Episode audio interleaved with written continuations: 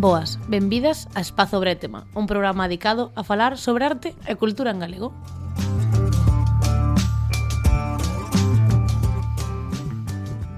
Sabedes cando fai un mes dixen todas as semanas, bueno, todos os meses hai algo. Hai algo novo. Hola. Eres algo novo. Eh, vale. Vamos a empezar polo principio que é presentar a persona que temos aquí ao noso lado. Benvida, Tatiana. Moitas grazas. Nunca nadie máis se volverá a chamar Tatiana no que resta do programa. Non pasa nada. Serás Tati. E mm, hai unha broma interna na nosa asociación donde eu consigo cousas a base de abusar das miñas amigas. Entonces, unha vez máis, traio unha amiga para abusar. Entonces, decidimos que como... Mm, bueno, xa sabedes que a dinámica do programa é Tania e eu damos a chapa sobre un tema e despois teremos unha persoa como invitada, pero neste caso Tati ten un cerebro tan importante que había que traela para, para nada, todo. Para todo. Entonces, aínda que agora vai quedar un pouco como descompensado, aínda así imos facer todo para IP e despois imos facerlle a famosa entrevista. Vale? Perfecto. Simplemente habrá para IP.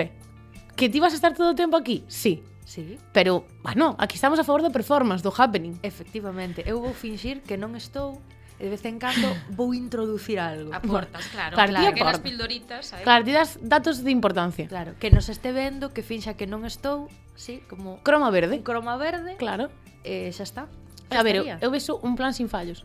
Sin fisuras. Sin fisuras. Entonces, nada, eh, Pois entonces, o tema vai ser un gran tema que vamos a dividir en dúas partes. Primeiro vamos a dar a teoría como sempre, e despois cando Tati entre no programa, eh, falaremos sobre desde entre esa mesma época, estou facendo hype para que Tani o explique. Falaremos sobre mitos, cousas que temos preconcebidas que non son verdad, etc. Un pouco máis de salseo. Exacto. Non son máis un rollo, non? Exacto. Un rollo teórico. Entonces, antes de nada, xa sabedes que estamos en todas as redes sociais, sabídese por haber, bueno, xa mentira, pero Eh, entonces, tedes que siguen. Nas que podemos. Nas que podemos, nas que o noso cerebro nos dá para gastar. que son Instagram, Twitter, ojalá algún día TikTok, My Dream Come True. E temos YouTube, Spotify e iVoox. Ben, vou a seguir ca miña chapa diaria, que é iVoox lo hemos conseguido, la gente está comprometida, YouTube, uh -huh. eres nuestro nuevo terreno. Un comentario, un like, un como estades, un suscríbete, un, un ei, que outfit máis chulo levas hoxe. Ese tipo de cosas son as que eu necesito, vale? Eh, e o que acabo de decir eh, é o máis importante.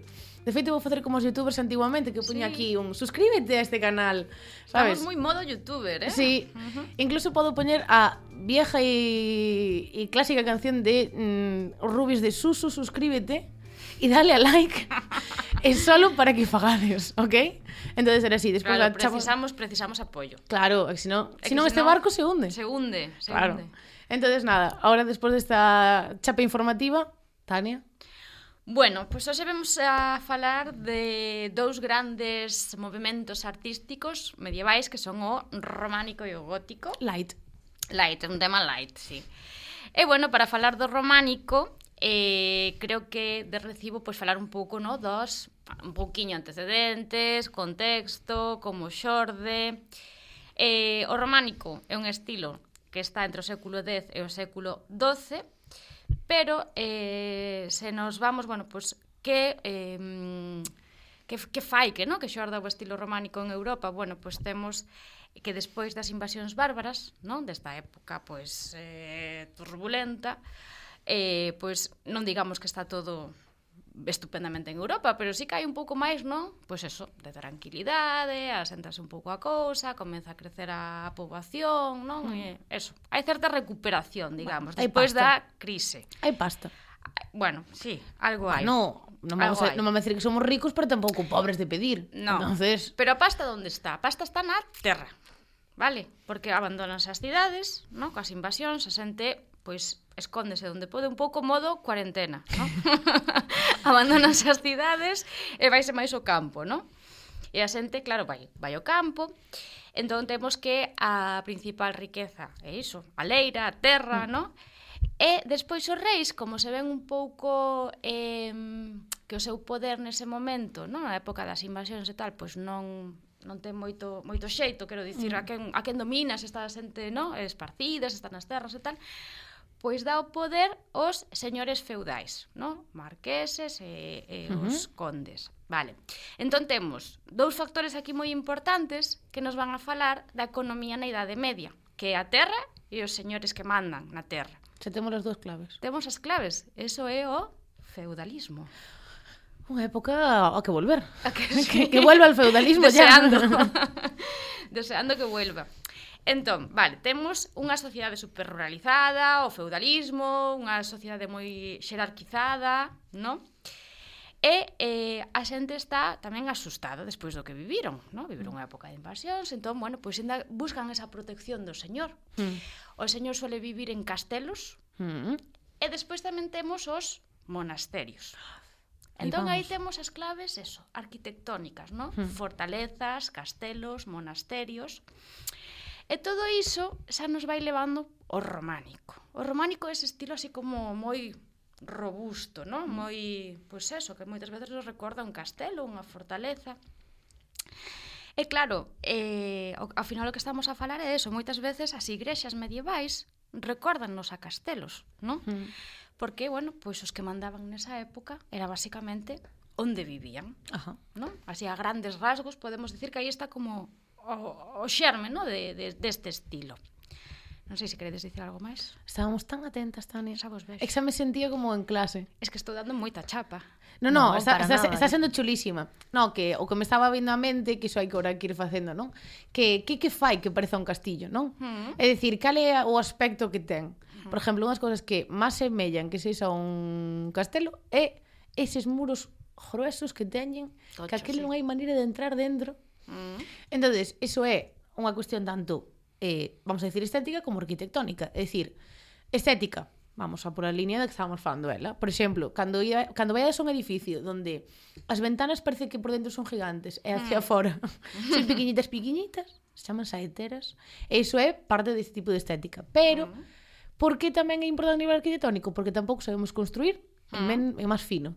É dicir, claro. dinos, dinos. Eu creo que poderíamos explicalo moi rapidamente dicindo que é unha cuestión arquitectónica que se perde no tempo. É hmm. dicir, mm. aínda que hai, obviamente hai unha continuidade, porque ti, bueno, vou utilizar a frase máis eh, usada xa máis nas clases de historia, Dila que eh, ti non te deitas antigo e despertas medieval. Efectivamente. Non, hai unha continuidade, pero sí que é verdade que a nivel técnico hai moitas tradicións que se perden, hai moitos costumes que deixan de ser utilizados, entón, obviamente, hai que, digamos, volver a aprender a xestionar as cousas con uns novos modelos. Hmm. Entón, por isto, o que dicías ti, que hai cousas que, digamos, que non se saben facer neste momento, hmm. polo menos da forma que o van intentar. Correcto. Uh -huh. Eh, o modelo, a partir de agora, eh, creo que estamos bueno, un pouco de acordo, que é o mosteiro de, non sei como se di, Cluny, Cluny, non sei como se di. Claro, eso é como ti sintes sintas cómoda. Yo, Decía Cluny. Yo Cluny. Ah, en plan uh, francés. Oh, oh, que ¿no? le, Cluny. yo iba a Cluny. ¿Y tú? Yo Cluny. ¿De dónde ibas? Cluny. ¡Oh! oh. oh. Ella más pijao. claro, claro, claro.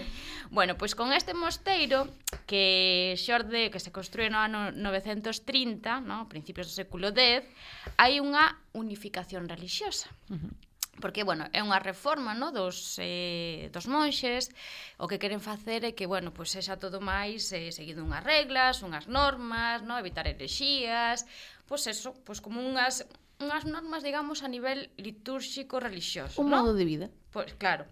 E todo iso, ao final, esa, esa unificación es, levase a arte. Uh -huh. Están, pois eso, marcando como se deben facer, como debe ser a arquitectura dos mosteiros. Esta, este mosteiro vai a ser pois eso, o punto de partida, digamos, deste estilo. Vai ir evolucionando, non? E, e vai desenvolver pois, o, o estilo románico. Despois, eh, temos dous vía, vías fundamentais de, de expansión, digamos, non? Pois os propios mosteiros, porque como son esa, esa, ese modelo, ese exemplo a seguir, pois vanse replicando nos diferentes lugares, e o que temos nós aquí moi preto, que son as vías de comunicación, os camiños, famoso, uh -huh. por exemplo, entre outros, Camiño de Santiago. No? Correcto. Vale, pois esas son difusións moi importantes do estilo románico. É o típico, non? Cando estudiamos sempre se di, bueno, o primeiro estilo como máis eh, global, internacional. Xusto iba dicir eso, como sí. que me parece curioso que estemos falando de un momento onde nin de broma están falando de arte global, nin, nin homoxea, nin nada polo estilo, e se conseguira unha maneira tan homoxénea entre comillas, pois pues, expandir o mismo concepto, expandir eh, unhas certas normas, un certo estilo, que, jolín, vale, o sea, que a mesma igrexa daqui a Francia non é, non, non é, pero podemos ver moitas similitudes e podemos falar de, incluso dun románico europeo. Entonces, mm. como que é curioso que iso exista cando, se si nos vamos a, eu que sei, 100 anos atrás, iso nin de broma podríamos velo.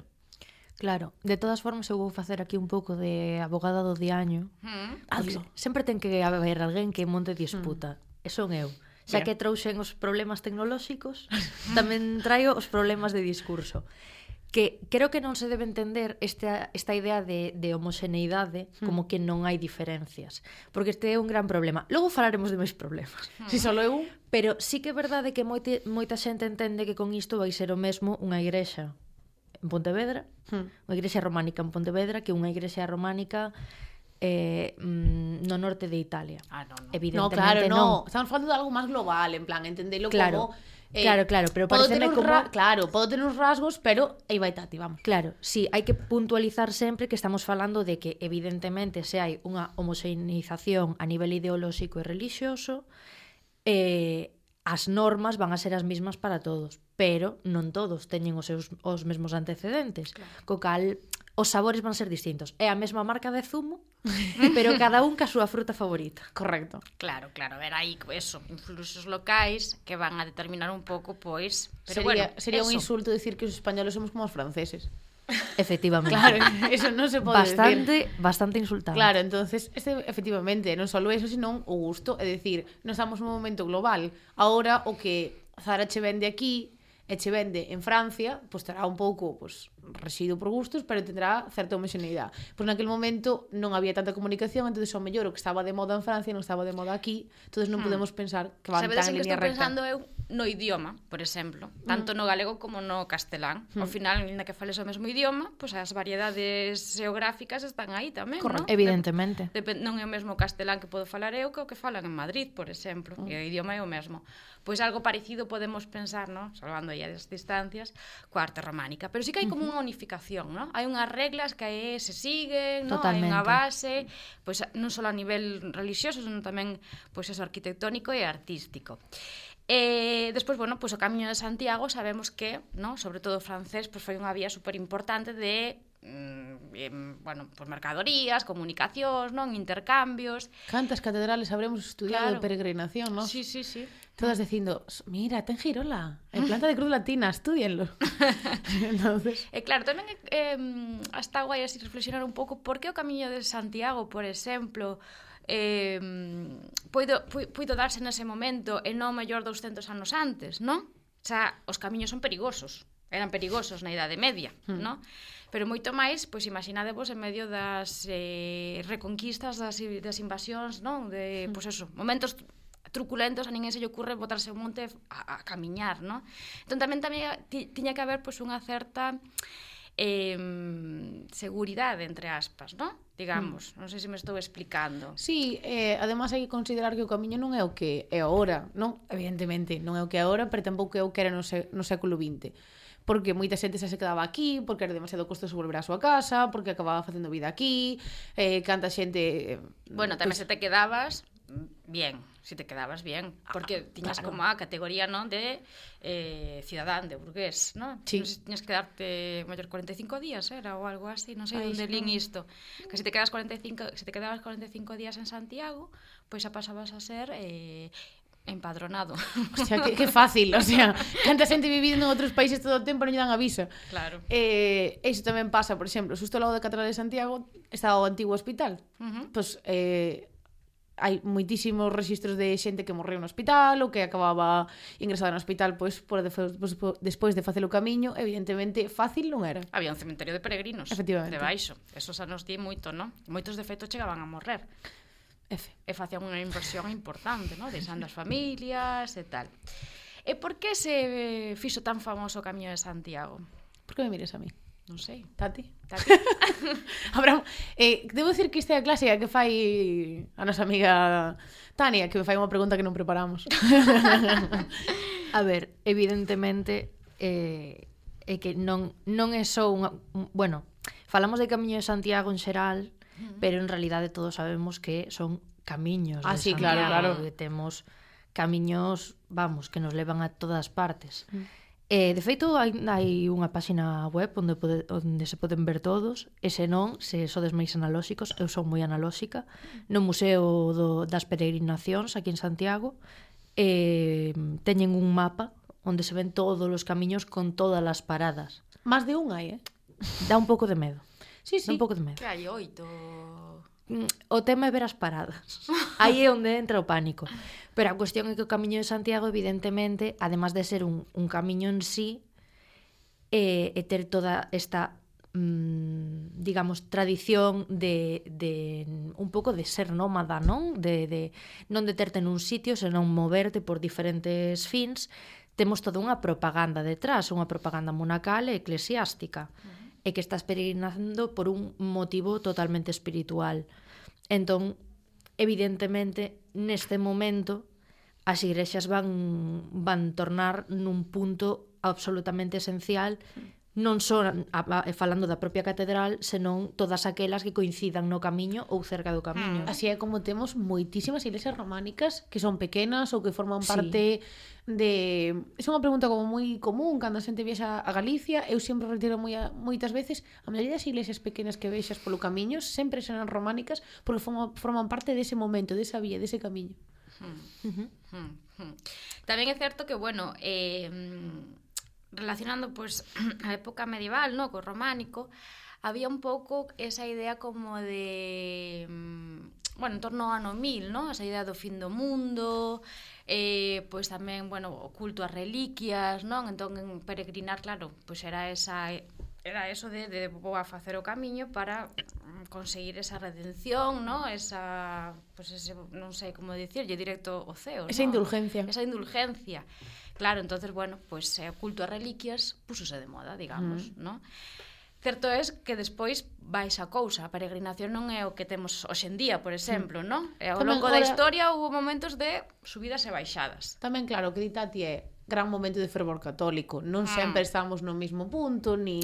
Pero, por exemplo, no 16, que houve un baixón grande, foi porque pois non se tiña tanta en consideración as, as eh, reliquias, mm. no, o contrario. Entón, bueno, pois ben, totalmente marcado ao final pois pola época que se está a vivir, mm. polos movimentos, no, pois a nivel tanto relixioso, como tamén as situacións o que vos digo, non podo peregrinar, se están invadindo o, o, a miña, o meu país, o meu pobo, no?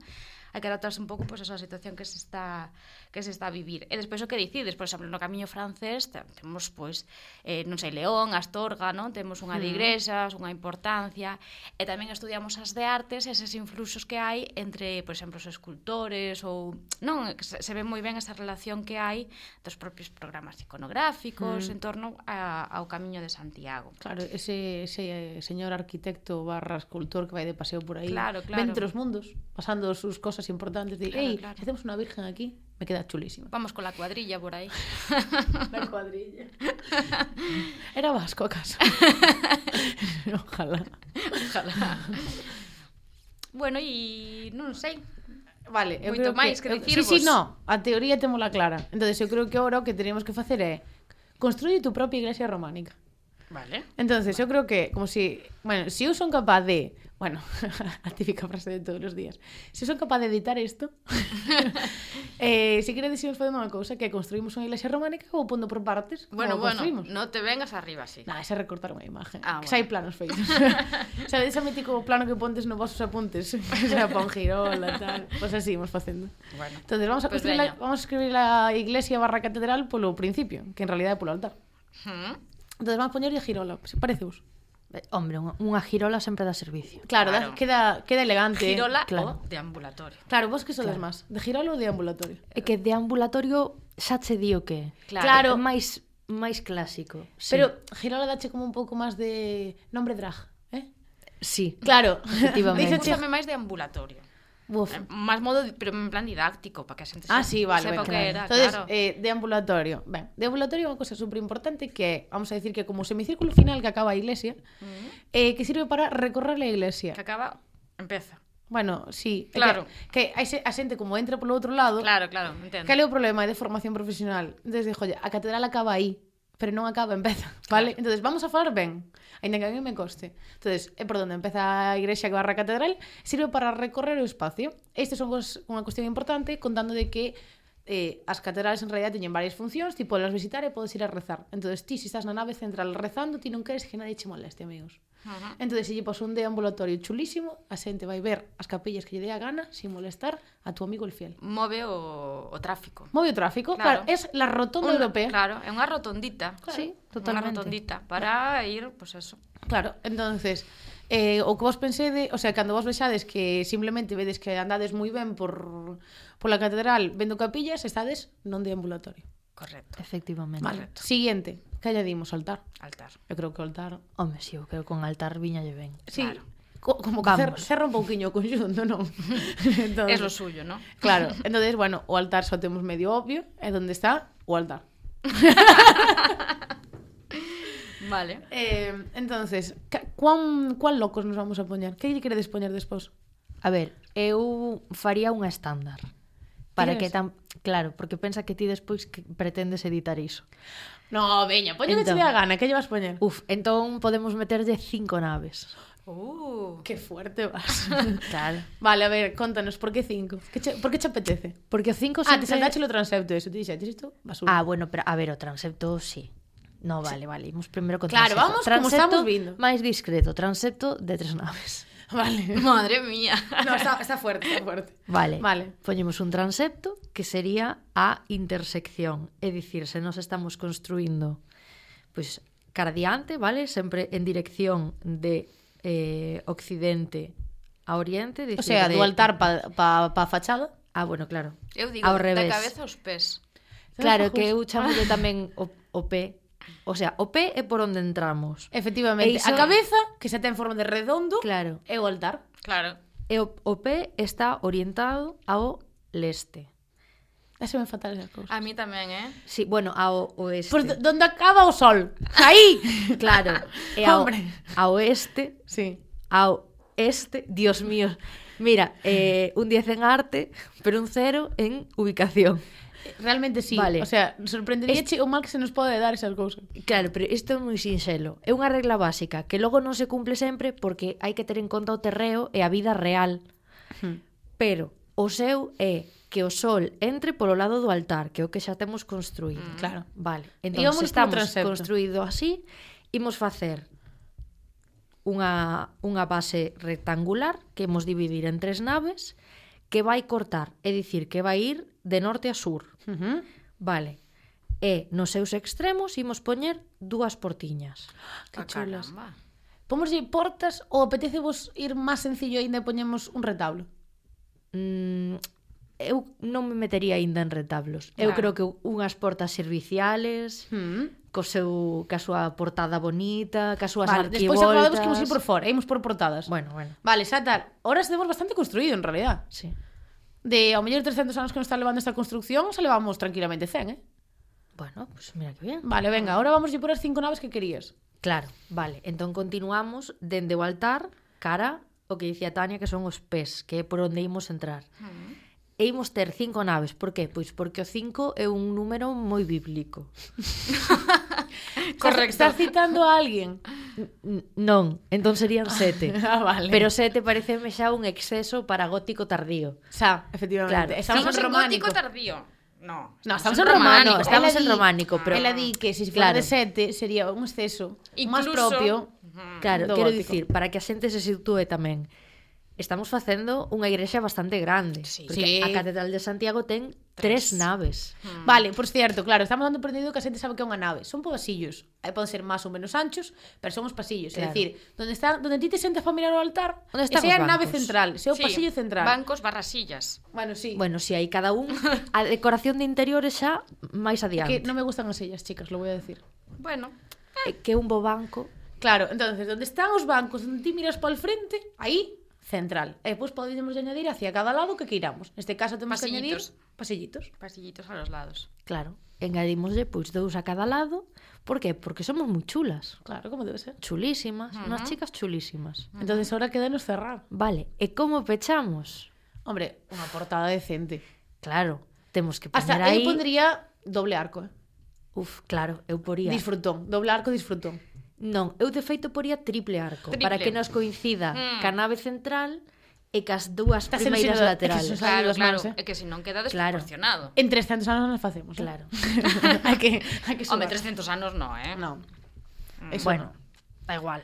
Un seculiño Saberemos. Ahí. Vale. Saberemos. Temos Igual... unha Vale, temos unha portada con tres arcos. Vale, entonces que queredes? Cal é o típico que representamos no románico aí na portada? Que os apetece representar? Pois eh, Deus, Eso está claro. Un pouco en plan mm, de mala leche. Sí. Te has mira, portado mira mal, ver amigo. Que fas. Sí. Te has portado mal. Mm. Mm.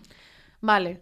Estas son as consecuencias. Ves? Mira, sendo tres podemos poñer no centro a Jesus enfadado, nun lado podemos poñer mm, Adán, Eva, mm, esto es lo guai, hai que no pecar, e no do outro lado poñemos poñer así vas a acabar, colega, cuidado. Un pouco pórtico da gloria.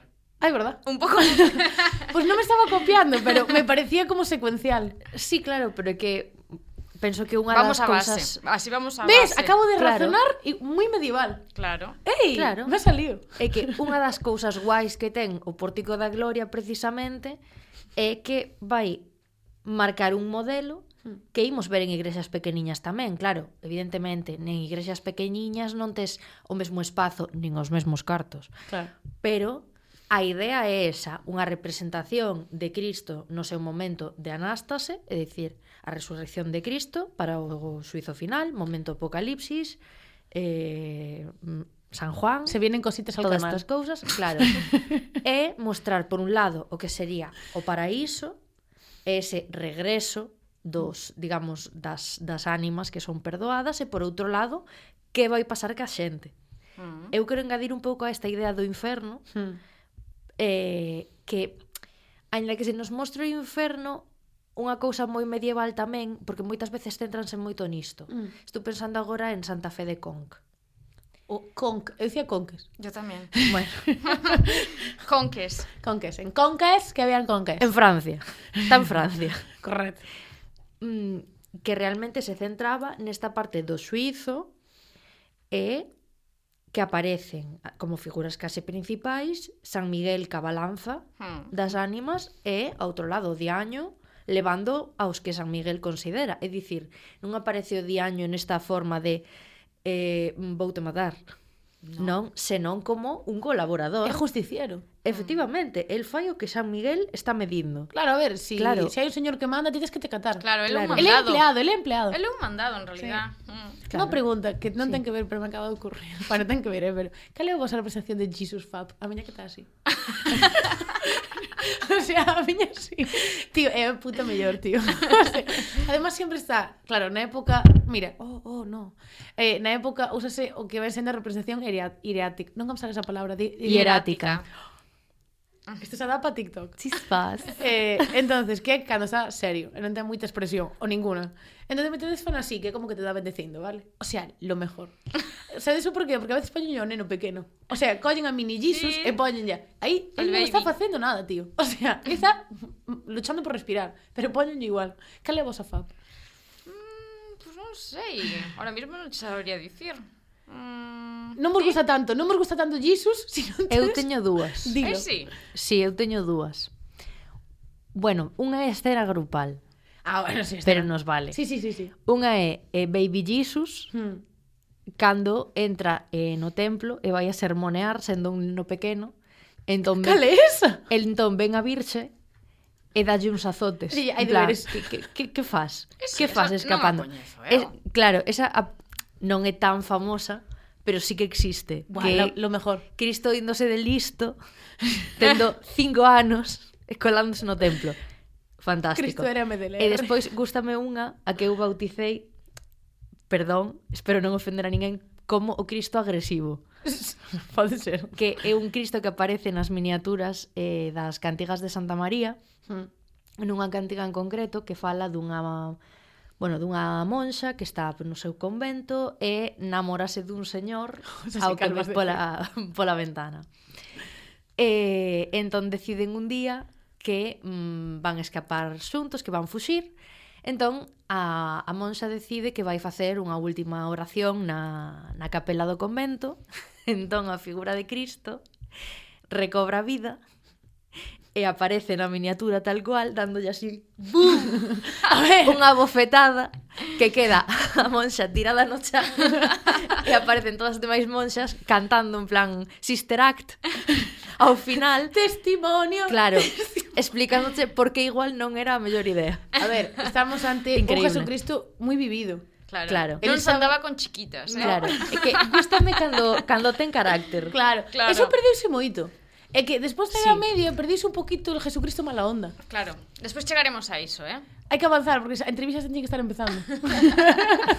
Te imagínate cuán fuerte tiña que ser esta entrevista. E, onde quedamos co gótico, entón? Nada, dalle, dalle. Vale. A, entrevista, a entrevista dura menos, que tal ti non, non ten prisa por entrar. Bueno, seguimos coa portada. Tes prisa por entrar. Xa estou aquí. Xa está. Seguimos coa portada, entón. Eh, bueno, o xeito de facer o no, a portada. Hmm. De, teñen uns códigos, non? Non uh -huh. sabemos as de arte que teñen uns códigos para representar, pois, a Jesus, o demonio, o San Miguel, o que sexa.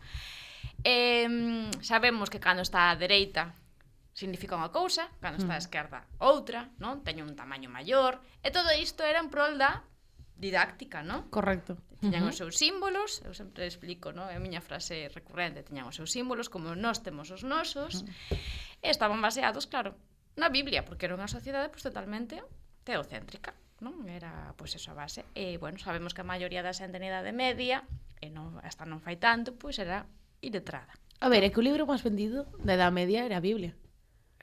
O máis vendido, sin ninguna duda. A ver, Sí, pero it was a joke all non this tiña... time. Por si acaso moita... claro.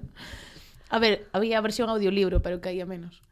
entonces, entonces, además de eso, non é só que houvese como unha consideración de eh, cales son as reglas donde colocar as cousas, senón como colocalas. É dicir, claro. non vamos a facer unha peana chulísima para Jesus, se nos cabe aquí en esta, en esta jamba que teño, vamos tirando que xa nos cabe, sabes? Mm. Eh, entonces eh, estamos moi sujetos á barrera arquitectónica, é dicir, si mm, hai que poñerlle a man así de canto porque non nos cabía ben, bueno, pues, claro, así tampouco.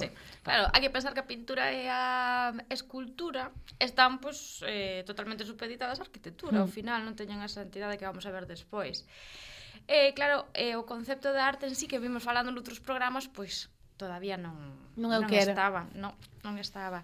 Estaba pois eso, eh a... Moitas veces sempre se di, no? Pois a arte medieval non me gusta porque mm, mira como representa, mira como debuxa, non é naturalista, ta, ta, Porque pero... non viron este programa, mira cantas risas. Claro, Solo da edad media. Claro, pero hai que pensar que estaba ao servicio da religión, do poder, do que querían explicar. Vale, eu creo que xa temos construidísima a nosa iglesia catedral, porque se nos foi un pouco das mans, mm. sí. eh, románica. O lo pertinente sería, con as pinceladas, construir, ou incluso, se si queredes, podemos modificar a nosa e convertirla en gótica. Correcto. Vale. Vamos allá. Bueno, gótico, seguinte estilo na Idade Media. Poñemos que o inicio é sobre o século XII, non? San Denis, Mm. E o fin, pois depende, pero uh, depende de onde. Que gallego iso. século XVI. Vale. Pero bueno, en Italia, por exemplo, eh, acabase antes. O gótico eh, xa é unha sociedade máis urbana, podemos dicir, non? Máis de cidades, mm. dos burgos eh, comeza a salientar esa nova clase social. ¿no? Burgo, burguería. Bur burguería. Lo voy a dejar, dejo el programa aquí, chicos. burguería non, burguesía. Eh, que son os habita que son os habitantes dos burgos e o rei. O rei xa ten o seu poder, non? Xa vemos que as monarquías, pois eso, empezan a ter o, o poder que antes estaban en mans dos señores feudais. Uh -huh reactivas o comercio, bueno, pois pues eso, empeza a, as cidades pois, pues, a ter máis vidilla, non? Mm. Eh, aparecen tamén, antes falábamos da importancia da reforma, no? dos monxes e tal, pois aparecen agora os mendicantes, que son eses mosteiros que están xa en torno ás cidades, no? que viven pois, eso da mendicidade e tal. Entón, bueno, pois hai un cambio xeral, aquí se queda, pois hai unha situación bastante mellor, no? de eso, de reactivación económica e tal, bueno, ata o século XIV. Porque no 14, case case como o que estamos vivindo nos agora. Pandemia, eh, que, bueno, guerra, no? Eh, empeza esa época esa de, de crisis importante. A nivel eh, artístico e arquitectónico, bueno, pois pues eso falábamos de Saint-Denis, non? Saint-Denis. Saint-Denis. En, en Francia. A verdade. Dixéchelo ben. No, que, oh, no, di, di, a ver. Saint-Denis. Ah, oh, oh. oh. É, la porta aí. Oh. claro.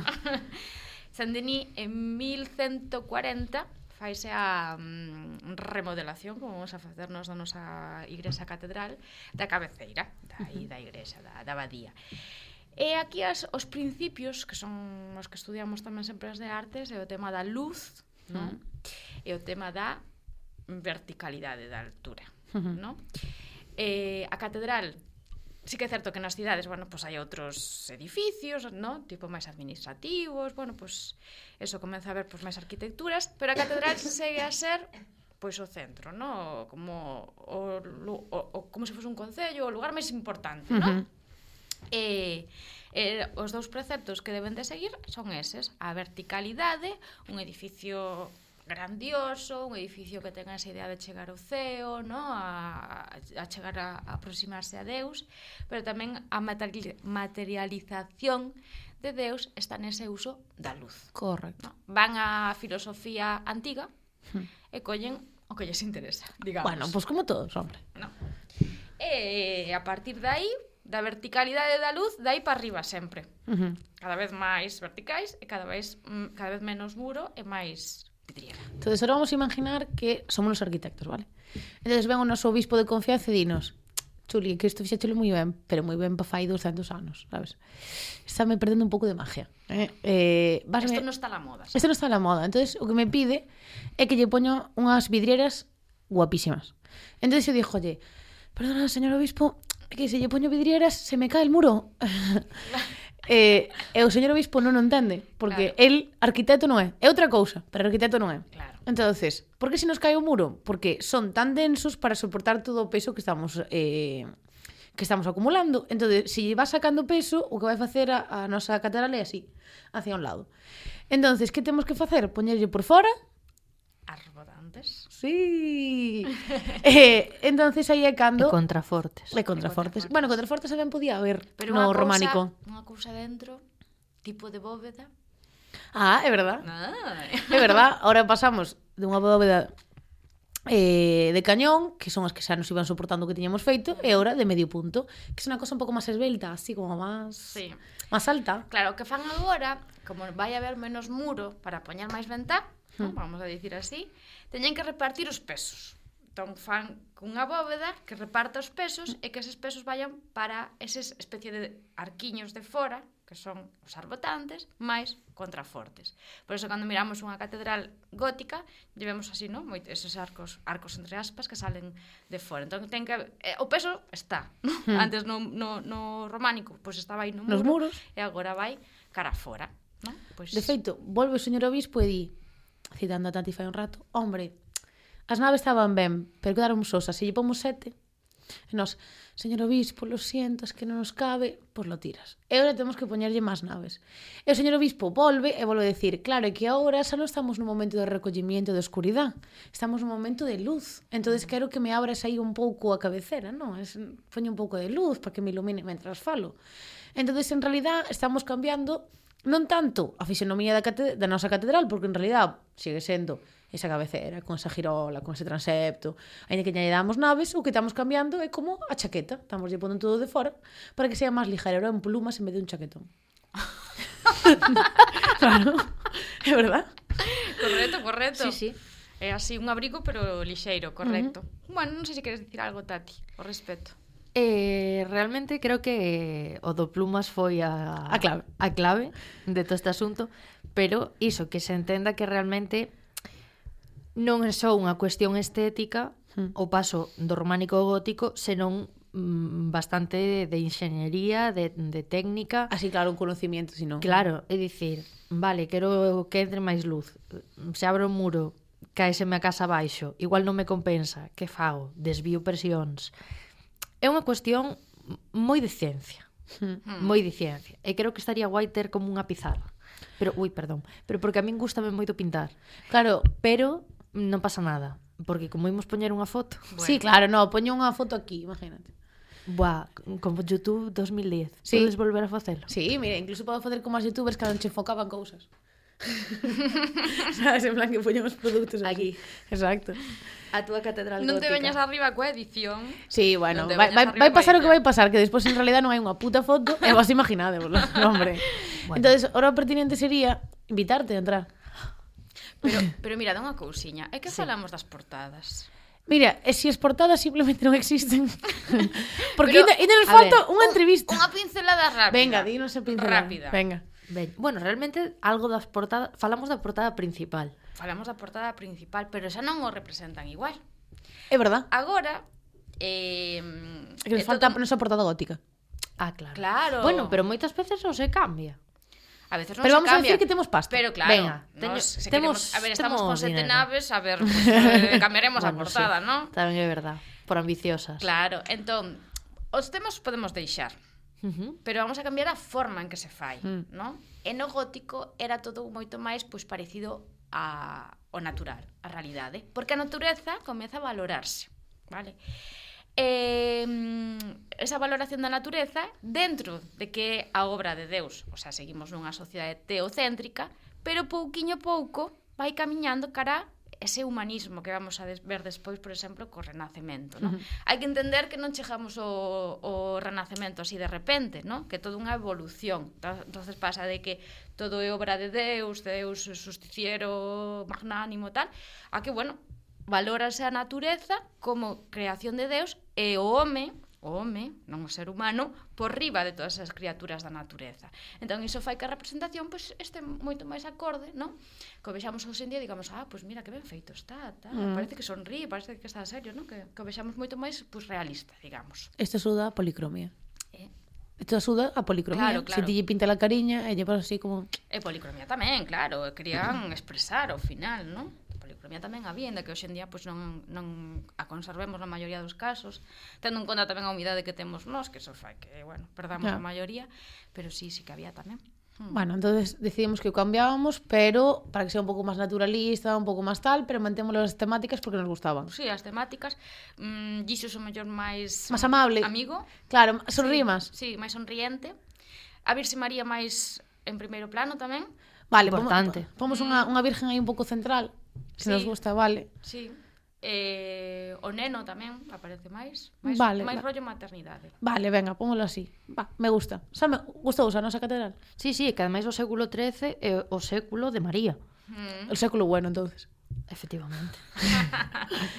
claro, o próximo día pregunta sobre cuál é tu virgen, eh, tu virgen María favorita. a miña inmaculada. A miña que lle pegaba o chía a Jesús. A mí a soidade, esta a dolorosa. A dolorosa. A dolorosa é moi bonita, sí. Es, sí. Esa sí que me gusta moito. Ves, este é o que ten estudiar 4 anos de carreira, que despois tes gustos Perdona, sobre cousas... Cinco. É verdad que ela é licenciada. Señora licenciada. Eh, crees gustos sobre cousas moi concretas que nadie máis ten. ésto Jesus fa po tu virgen fa? Bueno, pois pues solo temos Por unos. favor, como ides deixar comentarios porque é unha no vídeo de YouTube, porque de sodes moi amables, claro. despois de suscribirvos, deixádenos cal é o voso Jesus ou a, vos, a vosa virxe favorita.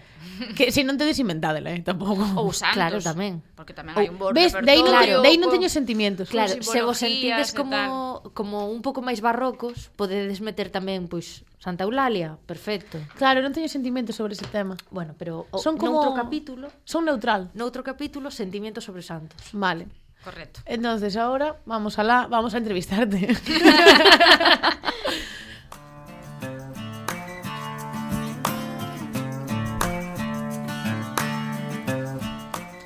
Qué conversación más interesante, Tania. Gustaríame traer a mesa agora. Sorpresa. Encantada, Tatiana. Muchas gracias por tenerme hoy aquí. bueno, preséntana como merece. Vale, entonces, bueno, ahora sí, máis alá da broma de antes, E xa sabedes que últimamente estamos tendo entrevistas porque queremos non só falar solas, iso está, acaba de quedar claro, senón que queremos traer persoas que eh, son como especialistas ou coñecen de maneira profusa o seu certas áreas da historia da arte. En este caso trouxemos a persona que máis temas ten como como especial, Para como nada. especialista do mundo mundial que a miña amiga e compañeira Tati, hola Tati. Hola, que tal? Eh, que un placer. Vou deixar que se autopresente porque vai facelo mellor que min, pero coñecemos na carreira de Historia da Arte, pero xa Tati estaba moi moi licenciada en outras cosas. Sí. Entonces Tati, invitoche a que te presentes, a que nos contes un pouco como se si isto fora LinkedIn, eh, quen eres, de onde vienes e a onde vas.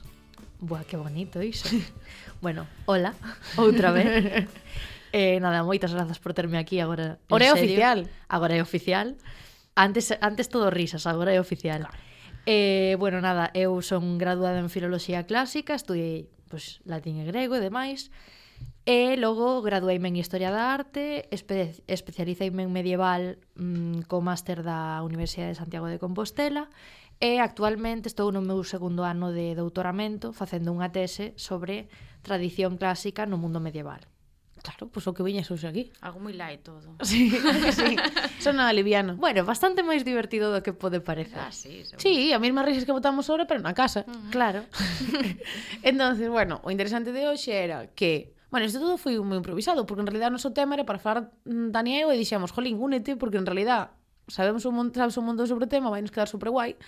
E se ahora en realidad estuvera sido como tiña que haber sido, era sentarías aquí e ahora falaríamos sobre mitos e creencias que temos alrededor da Edad Media que en realidad temos que desbotar un pouquiño, non? Porque ahora acabamos de falar sobre todo lo guai, non? Sobre como se construía el obispo que te pide unha, unha, unha catedral chulísima.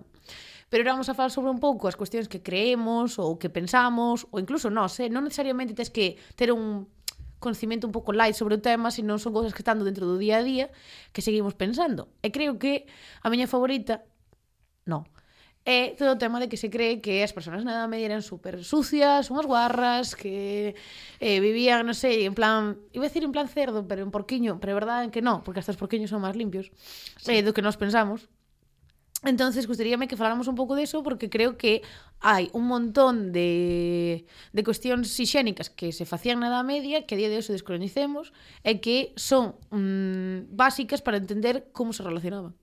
Efectivamente. A ver, creo que hai moito descoñecemento sobre este tema porque, bueno, en xeral temos como varias cousas das que podemos eh, falar, pero concretando o tema da higiene, O que pasa é que temos unha idea moi cinematográfica da Idade Media, que non está mal, pero hai que ir desfacéndose de certos mitos.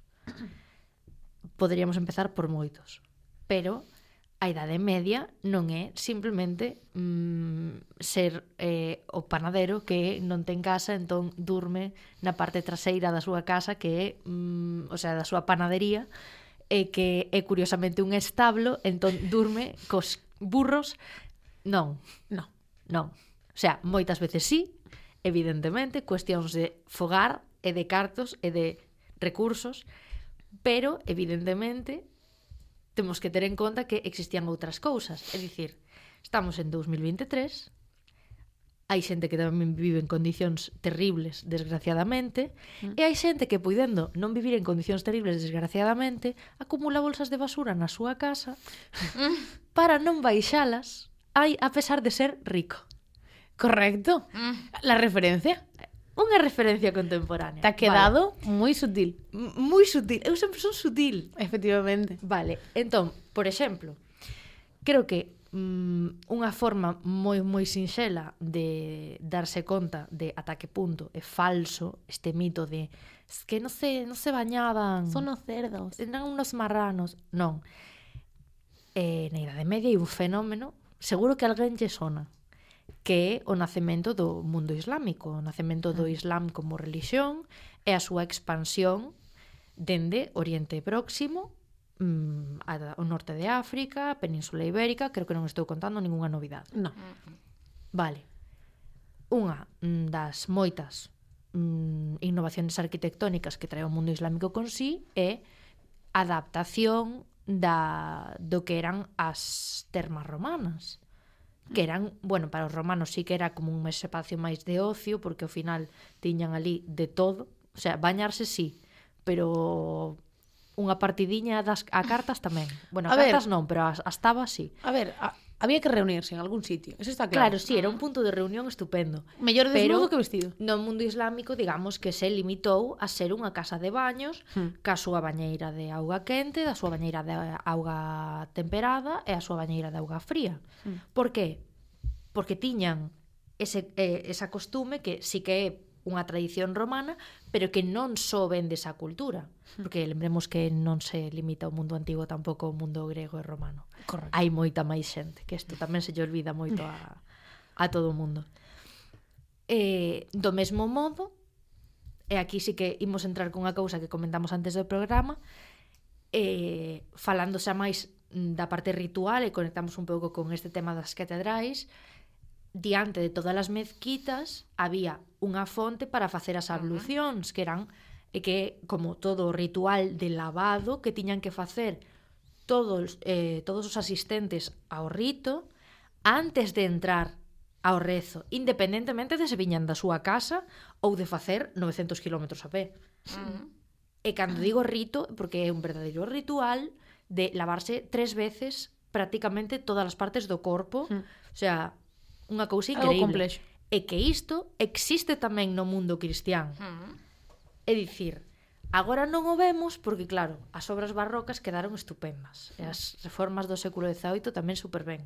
Estamos contentas, de feito. Pero, e vos saberé de lo mellor camín, na plaza de Zabacherías, diante da catedral, mm. había unha gran fonte que agora podedes vela no claustro, que era para que os peregrinos puidesen lavarse e non entrar á igrexa sucios. Porque, obviamente, entendían a diferencia entre limpio e sucio. Exacto.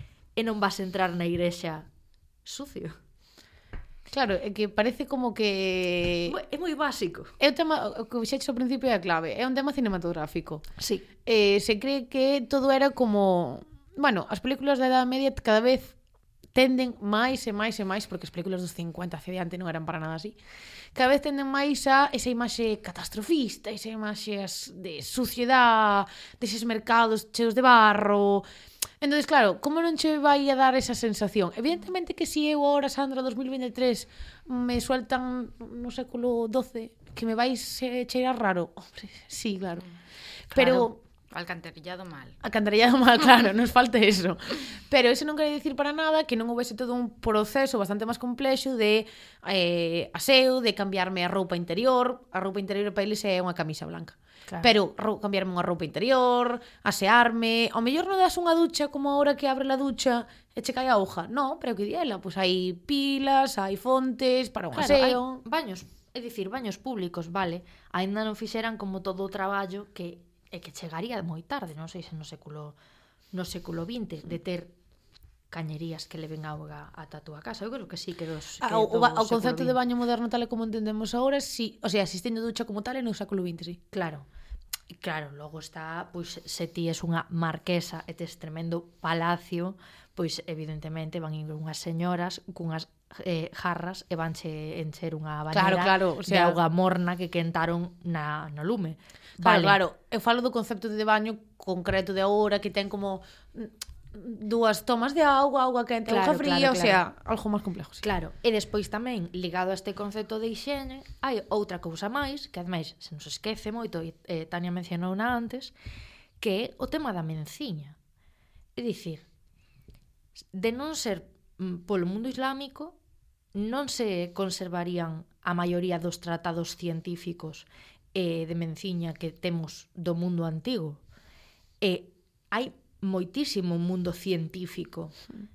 Non son especialista nisto, pero hmm. entendedes a que me hmm. refiro. Entón, que facían cousas que evidentemente a nos nos resultan extrañas? Pois sí, pero que eu agora vou a un país nas antípodas e van facer cousas que a mí me resulten extrañas. Chámase trazos de culturalidade. Claro. Mm, non é un invento deles, nin é un invento noso, nin é un invento de ninguén. Hmm. Punto. Entón, eu creo que unha cousa que xa podemos ir deixando, e xa, como apunte, eh, na idade moderna eran bastan, bastante máis cochinos. Seguro que sí. claro, porque aí foi cando se empezaron a dicir cousas como non, é que non te podes bañar máis dunha vez a semana, porque o pelo, non sei que...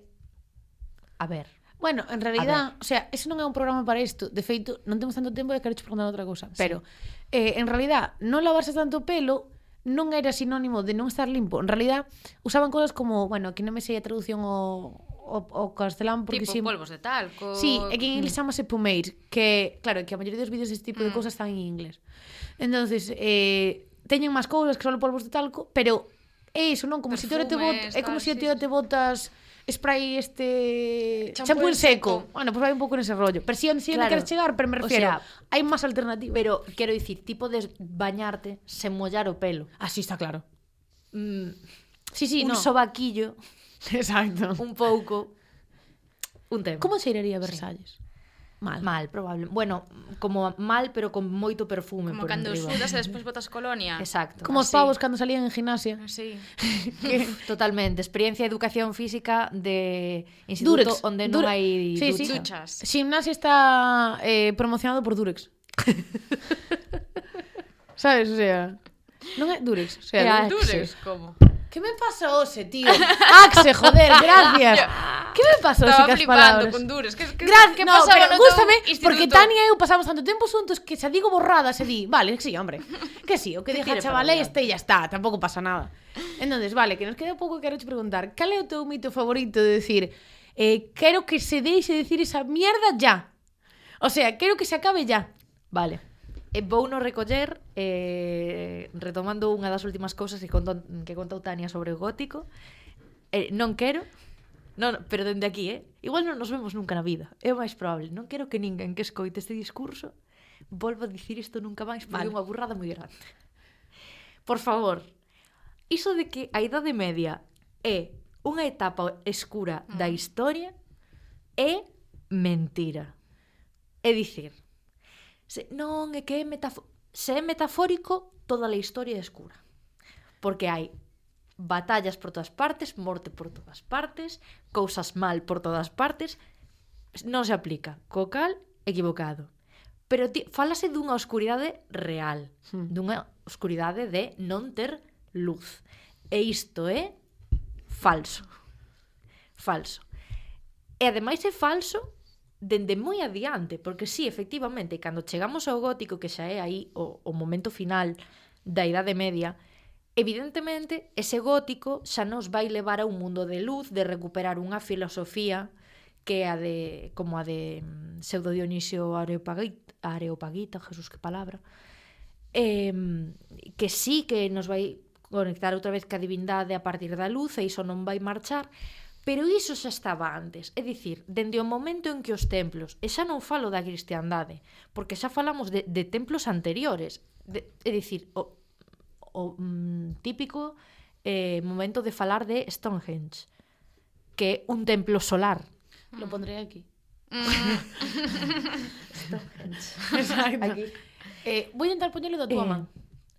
Que sala, da, favor, túa, que sala da túa man. Buah, vale. encantaríame. Vale.